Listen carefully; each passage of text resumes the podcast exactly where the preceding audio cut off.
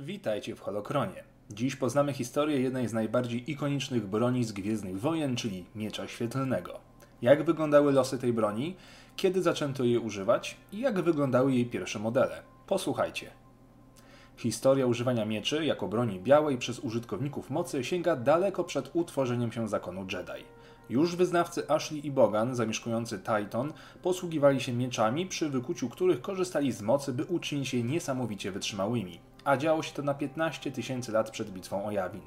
Jednak prawdziwa historia energetycznej broni zaczyna się jak wiele innych historii od rasy Rakatan, a dokładniej od ich sługów zwanych Ogarami Mocy. Ich zadaniem było wyszukiwanie nowych planet, na których były skupiska istot wrażliwych na moc. Dla Ogarów właśnie opracowano specjalną broń zwaną szablą mocy, czy też mieczem mocy, po angielsku Force Saber.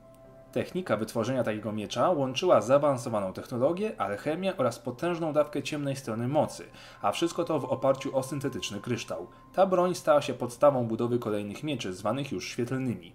Niedługo później jeden z mistrzów starożytnego zakonu Jedi, zwany po prostu jako mistrz oręża czy mistrz broni, stworzył tzw. Tak pierwsze ostrze, protoplastę i prawdziwego pradziadka wszystkich mieczy świetlnych. Minęły jednak jeszcze tysiące lat, nim miecz świetlny wszedł na stałe jako wyposażenie i symbol każdego członka zakonu. Dopiero lata później, podczas wydarzenia, i tutaj uwaga, trudna nazwa, sporu Duino-Gwujińskiego, Zakon opatentował w końcu technologię zapanowania nad energią skupioną w formie ostrza. Przez kolejne setki lat miecz ten wciąż jednak nieco różnił się od tradycyjnych ostrzy, głównie tym, że od rękojeści odchodził kabel prowadzący do ogniwa zasilającego, który Jedi nosili przy pasku. Tak, pierwsze miecze świetlne były na kablu. A w dodatku były bardzo niestabilne energetycznie i sprawiały sporo problemów. Kolejne lata przynosiły nowe usprawnienia związane głównie ze stabilnością, jednak miecz wciąż był prawdziwym pożeraczem energii. I tutaj mamy wielką ironię historii, gdyż broń kojarzona głównie z rycerzami Jedi, obrońcami pokoju i wyznawcami jasnej strony mocy, została ostatecznie usprawniona i na nowo wymyślona przez nikogo innego jak mrocznych lordów Sith.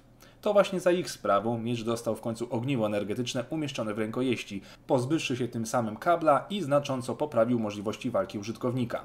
Po wielkiej wojnie nadprzestrzennej Jedi, którzy wygrali konflikt, zaadaptowali nową poznaną technologię od swojego wroga. Jednak miecz świetlny wciąż nie był bronią powszechną i popularną. Wielu Sithów oraz Jedi wciąż używało tradycyjnej broni.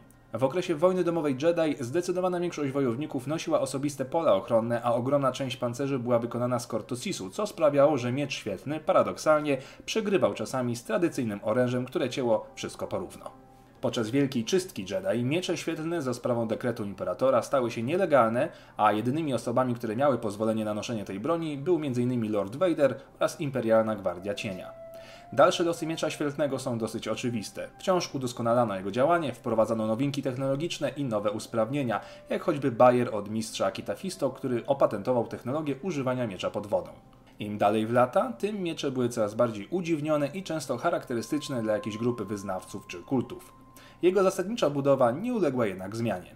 Dzięki za wysłuchanie historii o mieczu świetlnym. W opisie odcinka znajdziecie linki do jeszcze większej ilości danych na ten temat. Zostawcie łapkę w górę i niech moc będzie z Wami.